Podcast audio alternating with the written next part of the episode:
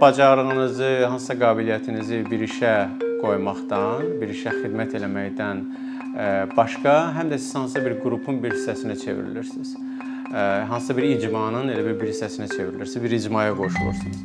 Hansı ki, heç vaxt onlarla siz rastlaşa bilməzdiniz. Məsələn, sizin adi universitet həyatınız və yaxud da ki, iş həyatınız tamam başqa adamlarla bağlıdır, başqa həmkarlar və s. Amma siz könüllü olaraq gedib məsələn bir heyvan sığınacağında heyvanlara qulluq eləyə bilərsiniz. Hansı ki, heç vaxt o adamlarla, orada məsələn işləyən adamlarla bir mühitə gəlməyəcəksiniz. Sizin sosial əhatəniz və s. buna imkan vermir.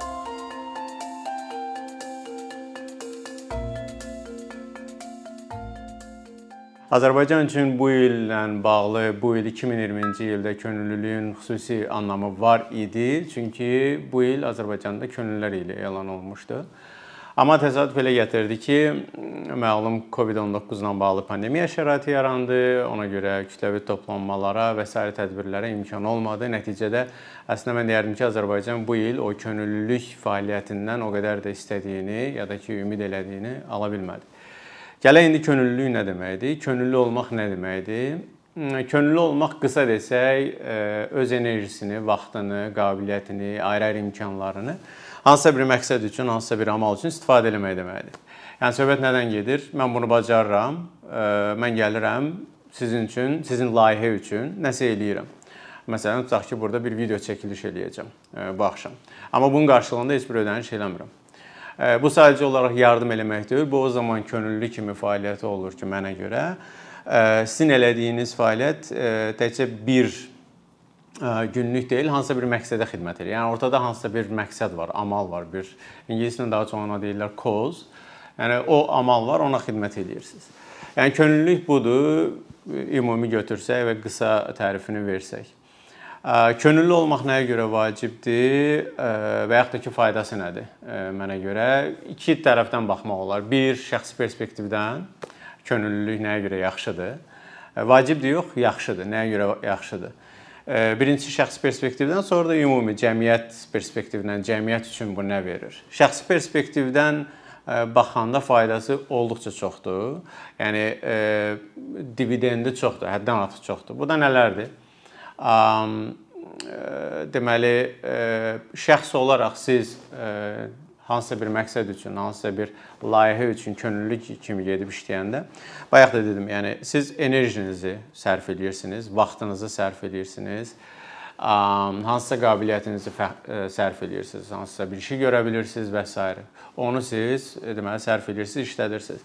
Bu özü özlüyündə verir, özünü özünü tamamlamaq hissi verir. Yəni nə isə bir işi bacarırsınız, bunu eləyirsiniz. Hansı ki, onu gündəlik işinizdə eləyə bilməzsiniz. Tutaq ki, deyək ki, hüquqşünassınız, siz bütün günü sənədlərlə işləyirsiniz.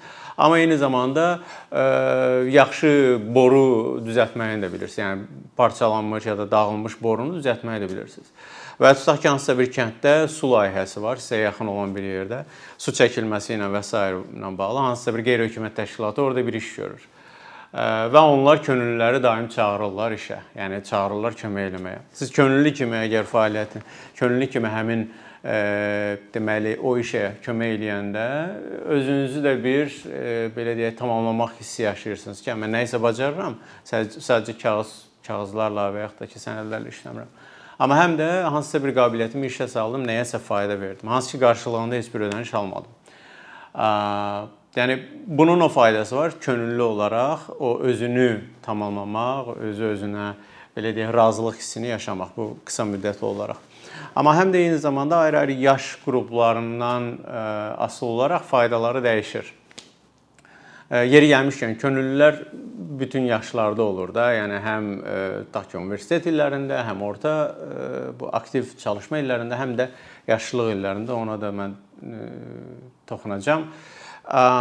Ayrı-ayrı yaş qruplarında, məsələn, könüllü kimi işləyəndə sizin verdiyiniz fayda başqadır, fayda da başqadır, aldığınız belə deyək, dividend qarşılıq aldığınız qarşılığı da fərqlidir deməli bacarığınızı, hansısa qabiliyyətinizi bir işə qoymaqdan, bir işə xidmət eləməkdən başqa, həm də siz hansısa bir qrupun bir hissəsinə çevrilirsiniz. hansısa bir icmanın elə bir bir hissəsinə çevrilirsiniz, bir icmaya qoşulursunuz. Hansı ki, heç vaxt onlarla siz rastlaşa bilməzdiniz. Məsələn, sizin adi e, universitet həyatınız və yaxud da ki, iş həyatınız tamam başqa adamlarla bağlıdır, başqa həmkarlar və s. Amma siz könüllü olaraq gedib məsələn bir heyvan sığınacağında heyvanlara qulluq eləyə bilərsiniz. Hansı ki, heç vaxt o adamlarla, orada məsələn işləyən adamlarla bir mühitə gəlməyəcəksiniz də. Sizin sosial əhatəniz və s. buna imkan vermir. Dolayısıyla bu e, bir növ insanlara o e, ödənişsiz həyata keçirilən layihələrə kömək verməkdən başqa, həm də daha çox insanları birləşdirir. Ayrı-ayrı təbəqələrdən, ayrı-ayrı sosial qruplardan olan insanları birləşdirir. O insanları mənə görə e, insanların başqa-başqa belə deyə reallıqları daha yaxşı görməyinə kömək edir. Bunlar əsasən şəxsi perspektivdən olan faydalarıdır.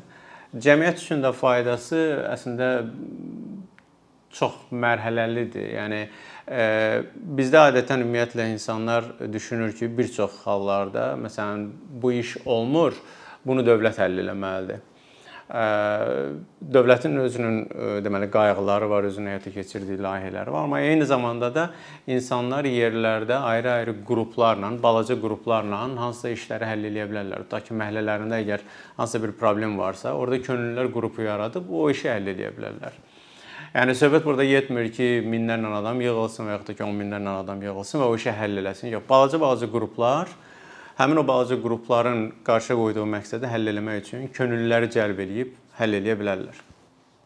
Yəni cəmiyyətin aldığı fayda da odur ki, dövlətin və yaxud da ki, hansısa ayrı-ayrı böyük layihələrin eləməli olduğu işlərdən əlavə yerdə qalan xırda-xırda işlər var. Hansı ki, dövlət o işə resurs ayıra bilmir və yaxud da ki, ona hələ ki prioritetlər gəlib çatmayıb. O insanlar yerdə öz imkanlarından istifadə edərək, könüllərdən istifadə edərək həmin məsələlərini həll eləyirlər. Yəni orada nümunələr çoxdur. Yəni bu iki iki tərəfi, bir şəxsi perspektivdən faydaları insan üçün, bir də cəmiyyət üçün faydaları könüllülüyün. Könüllülüyün həyata keçirildiyi, yəni nə vaxt könüllü ola bilərsiniz? Belə baxanda həmişə.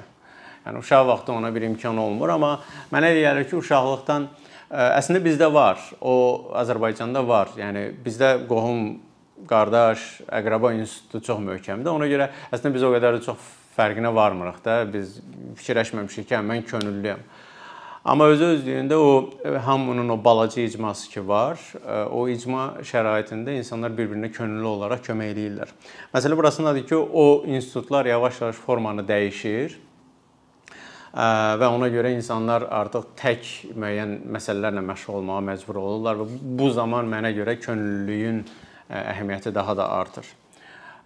Könüllülüyün o ən yaxşı mənə elə gəlir ki, yaş qrupu belə götürsəniz, asudə vaxt nə vaxt çox olur. Məsələn, uşaq vaxtı da olur, universitet vaxtı da olur. Aktiv çalışma zamanı bu biraz e, az olur çünki insanlar bütün günü iş həyatı, ailə həyatı və s. və xüsusilə də yaşlı, yaşlı olduğunuz vaxtı. E, biz əlbəttə ki, yaşlılığı o qədər də e, yaxşı dəyərləndirmir. Məsələn, bizə deyirik ki, uşaqdır, əşi mən nə deyirəm öyrənəcək, yaşlıdır, pensionerdir, əşi onun nə işi var. Yəni bu iki qrup qalır qıraqda, əslində ortada bizim o aktiv çalışma dövründə olan insanlar məsələlərin hamısını həll edirlər. Halbuki baxanda əslində yaşlı insanların da özlərinin həm bacarığı, həm də ki biliyindən yaxşı istifadə edib könüllü kimi nəyəsə fayda vermə imkanları olmalıdır. İndi onu həyata keçirməyin əlbəttə ki, resurs məsələləri var, amma mənə gəlir ki, qruplaşma şəklində yaşlı insanların fayda verə biləcəkləri, yaşlı insanların biliklərini, bacarıqlarını paylaşıb könüllü olaraq hansısa bir layihəyə, hansısa bir işə, hansısa bir amala dəstək verə bilməkləri mümkündür. Yəni onun da nümunələri ə, e, yəqin ki, bəlkə də var, ə, e, amma əminəm ki, yavaş-yavaş yaranacaq. Yaşlılarla bağlı dedik, amma məsələn universitet illərində ə, e, tələbələrin məsələn qoşula biləcəyi çoxlu layihələr olur. Həm universitet özləri təşkil edirlər, həm də ayrı-ayrı maraqlı qruplar var. Onlar təşkil edirlər. Məsələn, mən universitetdə olanda qoşulduğum layihələrdən biri oxuduğum sahə ilə bağlı orta məktəbdə gedib dərs demək idi. Yəni 4-5 aylıq bir layihə idi. Orda mən şagirdlərə hüquqdan danışırdım ki, cəmiyyətdə hüquq nə deməkdir, qanun qayda nə deməkdir. Öz özlüyündə yaxşı bir təcrübə idi, çünki tələbəyə həm öyrəndiklərini, biliklərini, bacarıqlarını ortaya qoymaq imkanı verir. Amma həm də şagirdlərə o başqa bir fiqur görür, yəni müəllimdən başqa bir e, e, bir nəfər görür və ondan nümunə götürməyə çalışır, özünü bənzətməyə çalışır. Yəni onun üçün çox yaxşı təcrübədir. Könüllülüyün həm də bir bir məsələsi var ki, yəni bir e, nüansı var ki, öz özlüyündə çox yaxşı təcrübədir. İnsan e, məsələn qərb cəmiyyətlərində çox yaxşı, çox geniş yayılıb. E, deməli e, həyat təcrübəsi məsələn istəyirlər e, müəyyən bir yaşa çatanda deyirlər ki, sənin həyat təcrübən nədir? Və bu zaman könüllülüyün rolu çox böyükdür. Yəni harda könüllü olmusan, hansı işlərdə könüllü olmusan, hansı işlərə kömək eləmisən, hansı məqsədlərə, məsələn, ətraf mühitin mühafizəsi, heyvanların müdafiəsi və yaxud da ki, hansısa uşaq evində hansısa məsələlərə kömək eləməklə bağlı. Ona görə özünün qazandırdığı həyat təcrübəsi məncə çox vacibdir. Könüllü ol, məsələn, əvvəllər e, könüllü kimi fəaliyyət göstərmək üçün mütləq bir qrup lazım idi də. Yəni mən deyəndə daha çox deyirəm ki, gedib nəyəsə qoşulmaq və s. Amma indi elə bir şəraitdir ki və ümumiyyətlə indi e, e, mühit elədir ki, əgər hansısa bir amalla bağlı, hansısa bir məqsədlə bağlı fikrin varsa, istəyirsən ki, o məsələni dəyişəsən, düzəldəsən, onda e, prinsipcə gözləməyə ehtiyac yoxdur ki, məsələn, kimsə o işi başlasın, sən də gəlib qoşulasan. Könüllü üçün əsas məqsəd o içində həvəsin olmağıdır. Bəzən adamlar ola bilər ki, ömür boyu bir məsələ ilə bağlı könüllü olsun, bir məsələyə öz bütün enerjisini sərf eləsin. Hətta onu sonradan peşəyə çevirsin. Ola da bilər ki, qısa müddətli, məsələn 3 aylıq bir yerdə könüllü olmaq, 5 aylıq başqa bir məqsədlə bağlı könüllü olaraq fəaliyyət göstərmək. Nəticədə o o əlavə həm bilik qazanacaq, həm bacarıq qazanacaq, həm də ki o ilə bağlı deməli həmin layihəyə öz faydasını vermiş olacaq. Bir də məsələn Bakı kimi yerdə elə bu gün onu fikirləşirdim. Bakı kimi yerdə məsələn bura tektonik zonadır. Yəni uzun müddətdir zəlzələ olmayıb. Ümid edirəm də uzun müddət olmaz. Amma məsələn, tutaq ki, bu ilə məşğul olan strukturlar var da, yəni hansı ki, özlərinin hazırlıq mərhələləri və s. var. Amma insanların hazırlığı nə qədərdir? Məsələn, bir dənə hadisə olsa, tutaq ki, dünən bir hadisə olmuşdu. Baxırsınız ki, bütün insanlar yığılır ora. Hərəsi bir kömək eləmək istəyir. Məsələn, kimsə zədə alıbsa, ona kömək eləmək istəyir və s. Amma heç birinin e, baza məlumatı yoxdur. Yəni hansısa bir instruksiya, e, hansısa bir təlimatı yoxdur, hazırlıq təlimatı yoxdur. Məsələn, könüllü qrupları təşkil etmək olar. Yəni e, bunun üçün hansısa bir resursa ehtiyac yoxdur əslində. Sadəcə maarifləndirmək, sadəcə məlumatı vermək və insanlar o könüllü qruplar yarana bilər ki, məsələn, belə bir fövqəladə vəziyyət olduğu halda kimin işi nə olsun? Məsələn, kimsə ancaq kömək axtarmaqla məşğul olsun, kimsə məsələn tutaq ki, yaralını nəsə müdaxilə eləməklə bağlı, əgər həkimlərdirsə və s. Yəni o könüllü qrupları əslində vaxtından əvvəl də formalaşdırmaq olar ki, kimsə özünü əgər könüllü kimi görüb o işə yəni elə vəziyyətlərdə, o vəziyyətlərdə könüllü kimi fayda verə bilər. Bir də yəni könüllü könüllü kimi hansısa bir indi artıq bizdə könüllü demək olar ki, strukturlar var. Məsələn, baxırsınız asan könüllüləri, baxırsınız məsələn, böyük idman yarışlarında könüllülər və s. Onların özləri çox yaxşıdır. Məsələn, böyük idman yarışlarında könüllülər falan işləyəndə onlar həm orada təcrübə qazanırlar, həm bilik qazanırlar, həm də əlaqələr qazanırlar, hansılardan ki, sonra onlara kömək edə bilər. Həm peşə həyatında, həm də ki, ümumiyyətlə sonrakı həyat təcrübələrində.